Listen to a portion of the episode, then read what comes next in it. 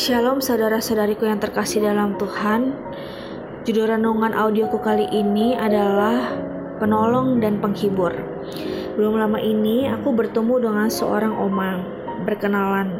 Sebenarnya bukan disebut berkenalan, tidak sengaja aku duduk di sebelah oma tersebut di sebuah rumah sakit namanya RSCM Rumah Sakit Cipto Mangunkusumo.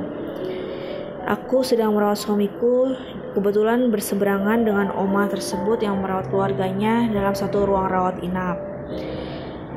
Oma tersebut getarannya begitu keibuan, pengalaman, ada hawa sejuk. Nyaman sekali berada di samping oma tersebut. Aku ingin menyapa dan bercengkramah dengannya. Tapi sebelum itu aku sudah dipanggil oleh dokter untuk segera mengantar surat untuk mengambil hasil patologi anatomi di sebuah ruangan yang berjarak jauh dari ruang rawat inap. Aku teringat akan omaku sendiri berbicara tentang oma ya. Oma kandungku, ini oma yang lain lagi. Oma kandungku berusia 77 tahun tahun 2019 ini. Kelahirannya 4 Juli 1942, Oma Tiana. Begitu mengetahui aku adalah seorang pendoa dan sedang kursus uh, kuliah se kuliah seperti khusus Alkitab ya dan pengalaman pelayananku dari pembicaraanku yang tidak sengaja Oma dengar Oma yang di ruang rawat inap tersebut hatinya tersentuh dan jadi sangat merasa dekat denganku walaupun kami tidak saling menyapa, tidak saling berkenalan, tidak saling ngobrol ya. Oma tersebut begitu perhatian membicarakan dan perhatian terhadap sakit suamiku dan keadaan yang kami alami saat itu. Bila oma tersebut saat ini mendengarkan di mana pun juga berada, salam kasih, salam hangat dari saya, istrinya Ignatius Ferry. Mungkin oma ingat ya.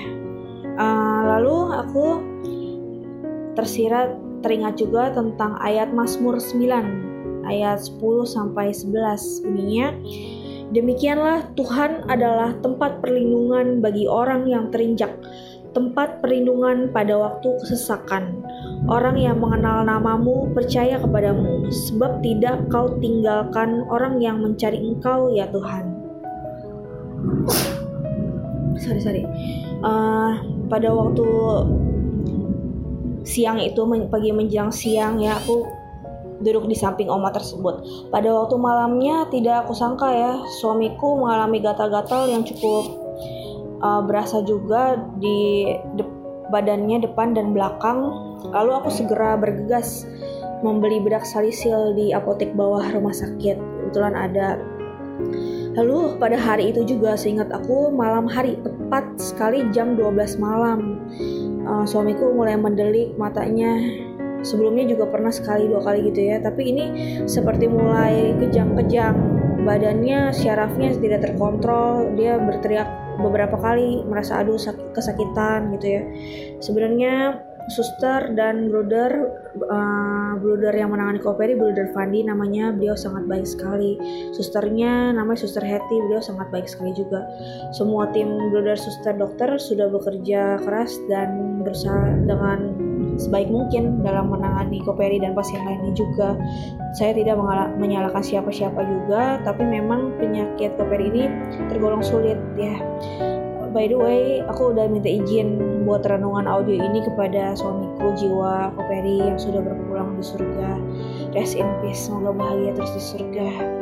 Ya Koperi sudah mengizinkan aku buat renungan ini ya sampai dengan terakhir suamiku wafat di rumah sakit Cipto aku belum menyapa oma tersebut. Bila oma tersebut mendengar salam kasih dariku. Semoga sehat-sehat terus ya oma dan semangat berjuang selalu. Wah pada waktu Koperi mengalami kejang-kejang tersebut aku uh, pada saat itu mulai mengetahui bahwa saat itu adalah saat sakratul maut Koperi dimulai. Oh, ternyata tanda-tandanya seperti itu. Dan ternyata tidak semudah itu juga sebuah jiwa dari tubuh fisik berpulang ke alam sana, sana alam surga sana ya. Jadi pada saat itu aku orangnya tergolong peka dan uh, dari segi perasaan galau sedih dan gak tega udah pasti ada ya. Dan khawatir kaget juga bingung. Jadi campur bercampur baur campur aduk perasaanku ya. Pada saat itu beberapa saat gitu ya lumayan lama sekitar satu jam itu pada saat Koperi kejang-kejang oma tersebut yang berada di seberang tempat duduknya aku ya bednya berseberangan ya memutar sebu sebuah lagu. Sebenarnya bukan sebuah lagu kayak beberapa lagu Kristiani mungkin Oma tersebut dari Kristen Protestan ya. Seperti album kompilasi. Lagunya nggak mellow bagus lagunya. Nggak mellow tapi bernada medium gitu. Aku jadi seperti teralihkan perhatiannya selain dari malihan perhatian aku sendiri juga tapi dari lagu itu seperti menopang aku dan getaran oma tersebut begitu. Perhatian dan penuh cinta kasih dan seperti mau menghiburku supaya nggak sedih gitu ya. Padahal kami tidak saling berinteraksi nggak ngobrol sama sekali. Tapi aku berasa sekali bahwa Tuhan turut menopangku melalui peristiwa itu. Lalu ketika Koperi sadar lagi ya belum berpulang waktu itu Aku bertanya kepada Tuhan Yesus, Tuhan Yesus, mengapa Oma tersebut seperti mengasihiku? Padahal kita tidak saling kenal dia hanya mengetahui latar belakangnya. Aku sedikit lalu Tuhan Yesus menjawab hatinya berpaut padaku. Hatinya nya maksudnya oma tersebut berpaut padaku kunya Tuhan. Ya aku uh, mengalami pelajaran yang berharga juga bahwa walaupun kami dari saya dari Katolik ya dan oma tersebut dari Kristen Protestan tapi kami masih uh, saling mengasihi tetap saling mengasihi dan merupakan satu saudara juga dalam Tuhan Yesus Kristus. Tuhan Yesus adalah juru selamat kami dan kami percaya Tuhan yang turut menyatukan kami aku teringat juga bicara tentang oma ya omaku Oma Tiana um, adalah jemaat GKI Bektim. Aku sendiri waktu masih kecil dibaptis oleh pendeta Eka Dharma Putra, seorang pendeta penulis dan pengkhotbah. Pada waktu aku masih kecil aku sering dibawa ke gereja Bektim Bekasi Timur Jakarta ya oleh omaku dan mamaku papaku begitu mendengarkan pendeta Eka dan pendeta-pendeta lain khotbah dalam hatiku sering menirukan. Jadi kalimat-kalimat aku menirukan dalam hati mengikuti. Entah mengapa aku tertarik juga dan merasa senang dengan khotbah juga sedari kecil. Lalu hmm, ketika mama papaku um, menjadi jemaat gereja Duta Injil juga gereja Duta Injil Ambasador. Aku sering ikut juga waktu dulu aku agamanya Kristen Protestan ya. Sekarang aku dibaptis dan Krisma Katolik ya setelah mengenal suamiku. Aku pernah uh, sedang mengantri di depan pintu gerbang gereja Duta Injil. Lalu Tuhan Yesus berkata lembut kepadaku kamu tunggu di sini dulu ya aku mau melawat umatku Lalu Tuhan Yesus pergi menjauh ke arah jemaat untuk menyegarkan jiwanya dan menjamah jemaat yang sedang kebaktian di sana.